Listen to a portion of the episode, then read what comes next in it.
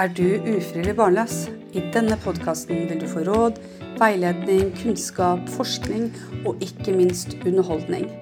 Alt innen fertilitet og veien til ønskebarnet. Fra et terapeutisk perspektiv av meg, Tone Bråten, terapeut, veileder og forfatter og gründer av Fertilitetshjelpen. Og også fra et medisinsk perspektiv ved hjelp av gjesteekspert Jon Hausken fra Klinikk Hausken. Og ikke minst blir det episoder med høyaktuelle gjester. Velkommen til din nye podkast å lytte til. Hvor lenge skal man egentlig prøve å bli gravid selv før man tar kontakt med en klinikk? Og hva er egentlig en fertilitetssjekk? Det her blir spennende, Jon. Ja, det blir veldig spennende fordi at det er så viktig. Eh, fordi når skal man ta kontakt? Og til det er egentlig ikke et enkelt svar. Jeg ville jo sagt at eh, ta kontakt tidligere enn du tror, egentlig. Fordi mhm. en ferdsjekk er jo ikke noe farlig. En ferdsjekk er jo egentlig en samtale hvor fertilitetsspesialisten gir gode råd. Og det er ikke alltid sånn at du trenger behandling heller. Så det vil være litt variabelt når man skal ta kontakt. Men eh, jeg kan gi noen eksempler. Ja. Jeg skal si litt om eh, hva jeg møter i terapirommet. Eh, jeg møter jo par som eh, absolutt eh, ønsker å få det til selv. Eh, så syns det er vanskelig å ta kontakt med klinikken for å liksom involvere en hel klinikk i det å prøve å bli gravid, som oppleves som veldig privat. Eh, det er liksom, noen kan oppleves det liksom skambelagt å skulle på en måte slite med graviditet og tror nesten ikke det er sant. Det her kan ikke gjelde oss. Alle andre blir gravide, men, men vi uh, får det ikke til. Det som alltid kommer opp, syns jeg, Jon, det er sånn eh, Å, nå har vi prøvd i uh, tre måneder, eller fem måneder, eller seks måneder, eller et år og to år. Altså, Hva tenker du sånn tidsmessig? Fordi jeg veit at når du kommer til fastlegen, så sier de ofte ja, dere får ikke diagnosen ufrivillig barnløse før det har gått tolv måneder. Hva, hva, tenker du om det? Ja, altså jeg tenker den, den, den er jo bare tull. Eh, grunnen til at den med tolv måneder er kommet, er jo fordi at det offentlige har lagt et løp. Og så er det sånn at det er jo penger involvert. Eh, sånn at du skal ikke ha noen rettigheter inn i behandlingssystemet før du har forsøkt i tolv måneder. Så det er rent sånn økonomisk fundament på det. Det er ikke noe sånn legevitenskapelig bak det. Da tenker jeg heller at eh, det er ikke noe farlig å søke fertilitetssjekk eller, eller råd hos noen som kan mye om det. Fordi at jeg tenker at mange er kanskje redd for oss å ta kontakt med en eh, IVF-klinikk fordi at de er redd for å ja, liksom, da blir det behandling, eller liksom, altså, da, da begynner kjøret. Nei, da er det jo en god samtale med en som vet veldig mye om fertilitet. Mm. Og, og, det er det jeg syns er spennende i de samtalene der. på en måte Å prøve å kartlegge hva, hva kan det gå i, og så gi gode råd og veien videre. Mm. Men du sa hvor lenge skal vi prøve? Eh, og det er jo litt forskjellig litt på alder, egentlig. Fordi at er en veldig ung, så har en jo litt bedre tid, selvfølgelig. Mm. Og er en eldre, så har en dårligere tid. Eh, en eh, sier jo det at fra jeg fylte sånn 32, kanskje 33 år, veldig individuelt det òg, så mister en altså 10% av fertiliteten sin per år. Og det er klart at Hvis en da er 39, så er det ikke så veldig lurt å vente et år og to. Da bør en heller søke hjelp snart. Og heller da finne ut ja, faktisk det er noe vi må gjøre. Eller alt ser veldig bra ut, og dere kan faktisk fortsette hjemme. Mm -hmm. jeg må jo innrømme noe da, at eh, når jeg og mannen min prøvde å få barn, så hadde det bare gått fem måneder før jeg fikk litt sånn dårlig sånn magefølelse. Et eller annet at eh, her er det noe som ikke stemmer. Og så husker jeg kom til eh, fertilitetslegen og sa ja, vi har prøvd et år. Jeg turte ikke å si at det bare var fem måneder. Det, møter du mange som liksom eh, Altså, vi, vi, føler at det er noe gærent. Det må være noe gærent. Og, og mange damer tror at det er noe med dem, føler jeg litt. Er, er det noe du kjenner deg igjen i? Ja, det, det, er jo ofte sånn at kvinnene påtar seg skylden. Eh, og det har kanskje noe med, med historikk yrken og på en måte dette med fertilitet er knytta liksom mer opp mot kvinnen. Men det er klart at det, det skal to for å lage et barn, og vi vet jo det at halvparten av årsakene sitter hos mannen, så det er jo viktig at de kommer som par. Men det er kvinnen som tar eh, initiativ. Og som du sier, så har de jo ofte veldig dårlig tid, fordi at de er jo veldig løsningsorienterte kvinner, og de ønsker på en måte å få kartlagt, og så OK, så kan vi gjøre sånn og sånn og sånn, for det passer inn liksom i, i min uh, rytme og min planlegging fremover. Så de er jo det er jo litt morsomt for meg som mann, da, egentlig. fordi at jeg, har jo lært veldig mye av kvinner. Og eh, av og til så må jeg flire litt i, i skjegget, men det gjør sikkert de av meg òg. jeg tenker eh, altså eh, De jeg møter som på en måte er på vei inn og vil ha en fertilitetssjekk, da, eller lurer på om det er noe gærent, de har jo ofte gått i en sånn uh, uvisshet som kan være en belastning. Eh, altså de har sett for seg og forventa at, eh, at, graviditeten skal i hvert fall komme en av de første månedene. Kanskje de har fortalt om det til venner og familie, at ja, nå har vi bestemt oss for å starte en familie. Eh, og så skjer ikke det her. Så blir det etter hvert noe negativt i parforholdet. Og også kan det påvirke sexlivet ved at de hele tida skal ha sex ved eggløsning. Og noen menn kan føle seg som litt sånn avleshingster, og damene kan kjøpe de her eh, eggløsningstestene. Og, og man føler at nå er sexen bare blitt til å eh, lage barn. Er det noe de snakker med deg om? Eh den, den, ligger der, men det er på en måte ikke et sånt tema som vi snakker veldig mye om. Men den, sender jeg videre til deg, Tone. Ja. men, eh, men, jeg kjenner jo igjen eh, situasjonen. Eh, men dette her med at du kan ha en kjensle av at noe er galt, mm. den, den er viktig. Ja. Den er liksom pri én for meg. Mm. Så når jeg møter et par, så går det ofte i at Ja, OK Eh, men, men, hva tenker dere selv kan være Hva, hva kan det gå i, egentlig? For ofte sitter de med svarene selv, nemlig. Mm. Kanskje ikke bevisst, men ubevisst så vet jo mye om sitt liv og hva som har skjedd tidligere. Og så lurer de på Kanskje har det sammenheng med noe som jeg ikke har snakket om tidligere, men jeg har liksom tenkt på det. Og da liker jeg å få det fram, fordi at det, Ja, men det kan så godt hende det, at det mm. går i det. Eller så kan jeg si nei. Det er i alle fall ikke det, så da mm. trenger du ikke uroe deg for det. Mm. For ofte sitter parene på, på mye løsninger sjøl, og det syns jeg er spennende å få fram. Mm. Eh, ikke en sånn der eh, at jeg følger en sånn der liste liksom, Nå sjekker vi det, det, det det. Ikke en sånn der eh, test som du sender og sjekker bilen, på en måte. Mm. Det er i samtalen problemstillingen kommer frem. Mm. Og så kan jeg skissere løsninger, og jeg kan iallfall skissere på en måte hva kan det gå i? Og da er det mer på det teoretiske plan at vi, vi, vi treffer det sånn noenlunde 90 mm. men ikke 100 Nei. Altså, det er jo mye googling. Altså, det, man vil jo gjerne finne ut hva som er galt. Og som du sier, det var bra sagt at eh, vi damer kan nok eh, skylde mye på oss sjøl når det gjelder å tenke at det er sikkert meg. Og det er jo kanskje fordi at det er flere ting som kan være eh, det kan skorte ved oss damer da, enn med mannen. Eh, jeg tenker at um, noen kan jo også være litt redde for svaret eh, når de da skal planlegge å gå og få en fertilitetssjekk. Så kan det være litt sånn nervøse. Er det meg, eller er det deg? Opplever du en litt sånn um, Når du sitter der med paret, da kan det være at de er litt sånn redde for svaret òg?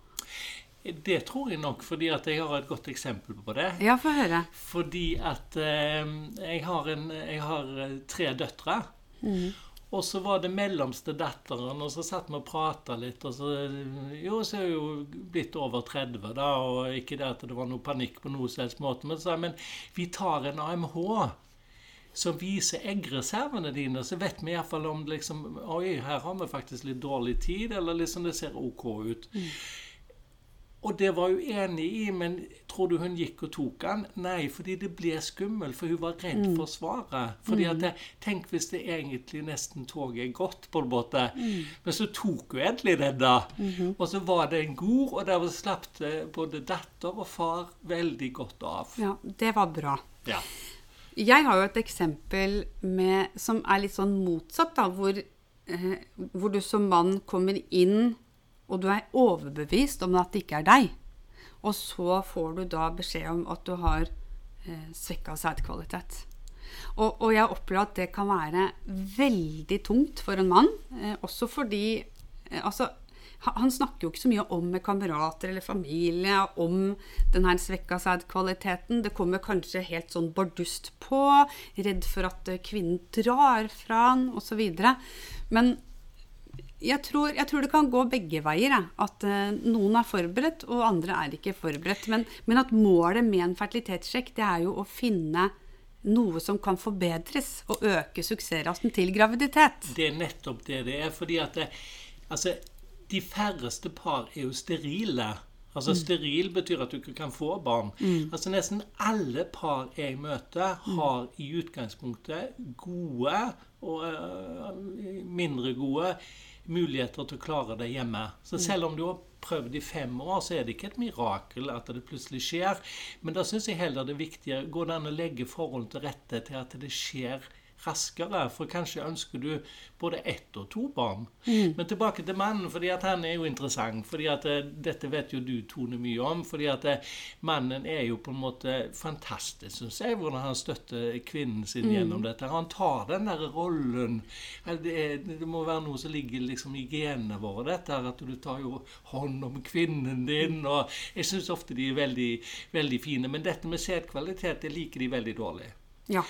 Eh, fordi at det, eh, de godtar på en måte at det liksom er noe galt med kvinnen. Fordi at kvinnen mister liksom ikke ansikt, på en måte, men mm. akkurat som mannen mister litt ansikt. Mm. Så, så de, Nei, de, de, liker ikke det så godt. Og da er, det, da er vi på ferdsjekken. fordi at det, eh, Sædkvalitet. Hva er sædkvalitet? For mm. den er faktisk litt vanskelig å på en måte si eksakt noe om. Fordi at det, For det første så varierer sædkvalitet fra, fra, fra, fra, uke til uke. Nærmest sånn som så liksom du føler du kan være i god form en uke, og så dårligere. Sånn er det litt med sædkvalitet òg. Så det er vanskelig å dømme og si at jo, her er det sædkvaliteten som er det avgjørende. Men vi kan si at det, Sannsynligvis er dette en viktig faktor. Men tidligere så var det jo sånn at eh, da er du ofte litt mer skråsikker når du er ung. fordi mm. at du har jo lest bøkene, og så tror du at det som står i bøkene, det er liksom alfa og omega, men så er det mer enn det. Mm. Og da sa jeg til mange menn vet du hva, den sædkvaliteten her, den er så dårlig at det, er, det er helt umulig å få barn hjemme. Og så gikk det jo da et par år, og så ringer disse veldene og sier ja, men nå har vi fått det til selv. Så, det, så lenge det er en spermie, så kan det skje. Men mm. da er det viktig allikevel. Er han redusert, så må en i alle fall ta hensyn til det. Skal vi gjøre noe med det, og hva kan vi eventuelt gjøre? Men hvis vi går inn på det her med øh, fertilitetssjekk, da. Eh, det sitter lyttere der og lurer på hva er det egentlig Og nå har vi vært inne på at det sjekkes eh, sædkvalitet. Og hva annet er det som konkret eh, sjekkes, Jon? Ja, Da er det først og fremst historien. Den mm. forteller jo veldig mye. Altså, har kvinnen regelmessig menstruasjon? Mm. Fordi hvis hun har helt regelmessig menstruasjon, så tyder det på at hun har eggløsning. Det er ikke alltid det stemmer, men oftest. Og hva sender det av signaler? Jo, da vet jeg allerede at den kvinnen er klink normal hormonelt. Altså, mm. Du mister eggløsningen med en gang hvis det er noe galt. Så hvis du har en velfungerende menstruasjonsrytme med eggløsning, ja, så er du perfekt, da. Ja. Så da trenger du ikke så veldig mye mer enn det. Men det neste du da trenger, det er jo selvfølgelig Unnskyld, men hva er alderen? For alder er det viktigste. Fordi naturen, om det var en veldig god idé, det kan jo diskuteres. Men den har jo lagt opp til at kvinner skal liksom få barn når de er 14-15 år. Det passer jo veldig dårlig i et moderne samfunn. Mm. Eh, men vi har på en måte flyttet det opp til at vi er kanskje 30, og kanskje mer enn det òg. Og det er derfor vi møter et fertilitetsproblem. Det er ikke det at vi har endret oss så veldig mye, at klima, miljø og alt blir så veldig mye dårligere. Det er rett og slett alder. Og da er det sånn at hvis en bruker en sånn tommelfingerregel, så er det at eggløsning er et tilfeldig utvalg. Og jo eldre en er, jo færre normale egg er det i sekken av egg. Og hvis det da er tilfeldig utvalg, og det er få egg som er normale, ja, så bommer du da. vet du. Du har eggløsning på eggløsning på eggløsning. Så alder betyr mye. Men så er det jo da individuelt forskjellig på det òg. Noen kvinner kan få barn når de er 45-46 år, mens andre kan ikke. Og da har vi et objektivt mål og en nokså bra mål, og det er AMH, som da forteller eggreservene. Eh, og har en lave eggreserve, så har en dårligere tid. Og da må en ta hensyn til det. Eh, så er det ultralyd, som på en måte da kan gjøre en sånn som vi kaller for forlikkeltelling, eller det heter AFC for de som leser på nett. Eh, den gir òg ganske objektiv, fordi at det, eggstokken den modner nemlig opp én generasjon av egg hver måned.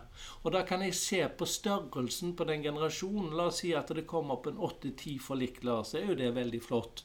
Når det begynner å komme opp en tre-fire eller to, så begynner det å bli laveggreserver. Så ultralyd er jo det neste steppet utenom blodprøver og sædprøver og historien. Mm. Blodprøver, hva er det dere tar blodprøver av? Ja, blodprøvene er først og fremst eggreserver, egentlig. Det er det viktigste. Men så er det eh, Det blir tatt òg eh, stoffskifte. Fordi at stoffskifte er det faktisk ganske mange som på en måte har et sånn eh, hva skal vi si Ikke helt velfungerende. Det fungerer godt nok, men på en måte kan påvirke eggmodning, og dermed òg eggkvalitet. Så den er litt viktig. Og så er det hormonell status hos, hos mannen. Ja. Eh, hos de som har dårlig sædkvalitet, for å se om det er noe på en måte en kan gjøre der. Og det gjelder òg kvinnen, fordi at noen har jo dette som vi kaller for PCOS. Det er jo de som har veldig, veldig veldig mange forlikler i, i hver generasjon. Og så er det ikke fullverdig modning, og dermed så har de ikke alltid eggløsning. Og der kan en òg se på om det kan være noe hormonell av det som stimulerer eggstokk eh, og forlikkelvekst. Så det er en hormonell status, og så er det òg infeksjonsparametere. Men det er mer for de som eventuelt skal gå videre til behandling. Ja. Så sa du litt om alder. Man kan jo bli gravid helt til man er eh, 46, på en måte. Men eh, en fertsjekk eh, Altså tar man fertsjekker på de som er 46, eller er det sånn fert, fert, Bør man ta en fertsjekk før det, tenker jeg. Jeg tenker du skal ta det lenge før det, men det hender det kommer kvinner som lurer på jeg har jeg fremdeles på en måte egg og fungerer Ja. dette, og kan, kan jeg Ja. bli gravid?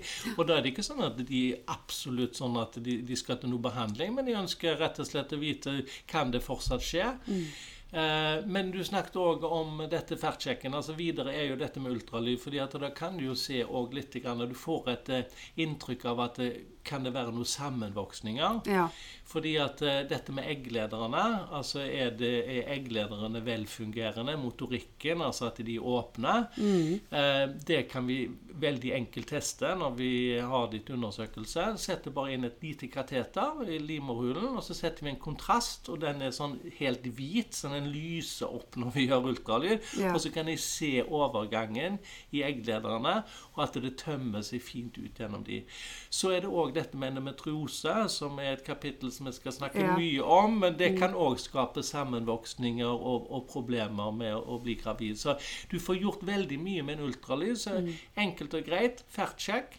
Det er den gode samtalen Ja. som kartlegger det. Og så er det på en måte gjøre en ultralyd og eggreserver og sædprøve. Og så en summary av det, og stake ut en kurs. Ja, men her ser det sånn og sånn ut. Her er det ikke absolutt at vi trenger å stresse noe med det. Eh, men så legger jeg det alltid opp til paret. Eller så har vi jo funnet noe. Kanskje elendig sædkvalitet. Så sier jeg det kan skje hjemme, men ikke regn med det. Og jeg tenker, jeg tenker at nå har dere forsøkt lenge, nå har vi funnet en årsak, nå, nå gjør vi en behandling. Jeg har lyst til å si litt om det at, eh, som det du sa, at det er mange menn som tar vare på kvinnene sine. Eh, Samtidig så får jo jeg høre av kvinner Det er jo jeg som gjør alt. Det er jeg som tar eggløsningstester, det er jeg som passer på eggløsningsdagen, at vi skal ha sex. Det er jo, det er jeg som på en måte gjør det meste hjemme. Eh, Og så kan opplever det som en ganske stor jobb, da, og at konfliktnivået på en måte øker litt eh, som par. Så derfor så opplever jeg at når man først har tatt en fertsjekk da, og fått vite hva som kan være utfordringen, så roer det seg litt. Da. Det blir litt bedre for paret, og at man kan få litt mer sånn eh, Man føler større kontroll da, på situasjonen. At nå vet vi, og nå har klinikken sagt det, spesialisten har sagt det. Nå er på en måte barneprosjektet ikke bare mitt lenger, sånn som kvinnen, da, men at man kan få en del råd og veiledning og ha med mannen på det her. For jeg opplever vel at mange kvinner kan være drivkraften inn til en ferdsjekk, da. Eh, at mannen kanskje ikke ikke hadde så lyst til å være med. Nå sier jeg bare altså Det trenger ikke å være sånn, men jeg sier at i mange tilfeller så, eh, så er det sånn Kan vi ikke prøve litt til? Ikke sant? Men det er noe med det, Jon, at når et par har bestemt seg for å bli foreldre, så er de liksom klare. ikke sant? De hadde jo fortjent å blitt gravide. De er overklare til å ta omsorgsrollen og bli mamma og pappa. Eh, og da syns jeg at det er fint at man kan korte ned den tida og prøve å få barn til heller å legge inn på andre siden og bruke tida på det barnet de skal få. Da. Mm. Sånn pleier jeg å se litt, uh, se litt, på det, og dra nytte av den type behandling man uh, faktisk har. Hadde man slitt med noe smerter eller annen sykdom, så hadde man jo på en måte gått og uh, fått litt hjelp. Og, og tenke at ufrivillig barnesett er faktisk en diagnose. Man har, man har rett til å få hjelp, som til og med kan bli dekt av staten. Ja. Så, Nei, altså, jeg er jo helt enig med deg, fordi at eh, Altså, dette med fertilitet og på en måte at en ikke blir gravid, er jo faktisk noe som vi kan hjelpe til med. Mm. Og det er ikke alltid det i helsevesenet. Du tok f.eks. opp smerte nå. Mm. Altså, Det er ikke alltid vi kan fikse opp i smerte. Men dette med barneønsker kan vi oftest Mm. Finne ut av mm. og legge en plan, mm. og som oftest kommer folk i mål. Men ikke alle, og det kan vi òg ha en mm. annen podkast om. Ja. Disse som ikke lykkes, og hvorfor det skjer. Og det, det, er jo vel så spennende i jobben, egentlig. Kan være litt tungt, men tyngst for parene, selvfølgelig. Men jeg hadde bare lyst til å si det om mannen, for han, han er jo ofte sånn at liksom Han blir jo dratt med. Eh, og, og, men nå kan jeg snakke fra et mannsperspektiv. Og ja. det er jo fordi at det, eh, det er kanskje ikke fordi at vi er så tafatte, men det er bare det at kvinnen hun, hun tar affære. Og det er jo ikke bare på fertilitet.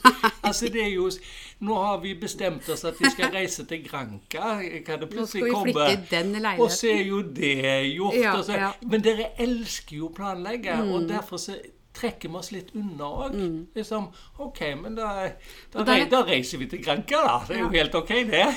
men jeg tror også det er en sånn eh, Jeg tenker at det her morsinstinktet blir Altså, jeg bruker å si at vi liksom er født med to veldig sterke instinkter, og det er formeringsinstinktet og eh, overlevelsesinstinktet. Og blir vi alvorlig syke, så gjør vi alt for å overleve. Mm. Og blir morsinstinktet trigga på noen måte, det at vi blir på en måte møter motstand, eh, så skal vi få det til. Og da gjør vi hva som helst. Og vi kvinner er nok eh, ganske gode på å lage illusjoner og visjoner, hvordan det blir med dette barnet eh, der fremme, mens menn er fakt, altså bedre enn oss til å leve litt mer her og nå. Og forholde seg til det som er liksom konkret her og nå, og det er jo kvinnen. Og hvis det blidgjører kvinnen, eh, å få noe mer svar, eller eventuelt gå til en fatsjekk, da, eh, så vil han være med på det. Ikke så mye kanskje pga. det fremtidige barnet, men for at det her skal gå bra. Ja, og det, det, det, ser vi jo i møte med de òg. Men jeg, jeg, er litt imponert, altså, som jeg sa her litt tidligere, at eh, hvor, hvor støttende de allikevel er. Mm. fordi at det, det, er jo innimellom både nedturer og tårer. Og da syns jeg stort sett de fleste menn er, er, veldig flinke og støttende. Men selv når de er det, så kan de få en liten sånn rapp på, på fingeren. fordi at de kan være, de kan være litt sinte òg, vet du. Det er jo dette med når du blir nedfor, så, så blir du både ikke bare lei deg, men du blir sint òg. Ja. Og da er det jo som oftest en eh, partner som får kjenne på det. Ja, det er den, den man er trygg på, uh, får det. Jeg tror vi kan konkludere med at uh, fertilitetssjekk er ganske så ufarlig. Ja, altså veldig ufarlig. Og så er det sånn at jeg tenker det er jo bedre å liksom vite mm og, og, og på hånd på hjertet, altså, vi forsøker jo å, å, å, hjelpe på best mulig måte med å legge strategier. Og oftest er det Vet du hva, her er alt fint. Dette kommer til å skje. Ja. Det er ikke sånn at det på døde liv skal inn i noe behandling. eller noe sånt. Og det er det jeg tror veldig mange er redd for. liksom at Oi sann, liksom, da er vi i garn, og da er vi i gang. på en måte. Men det trenger det absolutt ikke være. Men Nei. finner vi da noe som kanskje det bør gjøres, så sier vi at det, kan kanskje være fornuftig, men det må alltid være paret som bestemmer. Og så var det det med mannen. fordi at det, det som er så fint med fact-check, det er at jeg får forklart mannen og egentlig hva er det dette går i. For de har egentlig ikke helt snøring i, i det. Eh, for de sitter ikke på nettet og leser om eggløsning Nei. og modningsprosesser, men det gjør kvinnen. Men når jeg har det, så forklarer jeg mannen ganske enkelt, for jeg forklarer det til paret, da, men mannen syns jo det er kjempekjekt, og da forstår han litt av mekanismene, Mm. og da er han mer interessert. Ja, det er helt, eh, helt klart. Og jeg tenker også det her at hvis man tenker at vi mennesker er avhengig av forutsigbarhet og stabilitet og kontroll, altså de helt nødvendige verdiene vi må ha for å ha det fint, altså så tenker jeg at det å ta en fact-check eh, kan være en vei tilbake til å få litt mer indre ro og oversikt og, eh, og veiledning av spesialister. At det kan være godt da, for paret. Det tror jeg. Ja, altså du søker jo på nettet. Ja. Og det er jo eh, diverse spesialister som, som uttaler seg, og, og det er jo for å få råd. Og det er nettopp det du gjør med en fact-check. Ja. Det er ikke farligere enn det, enn at du får råd fra noen som jobber med det i det daglige. Da tror jeg vi avslutter der, Jon. Ja,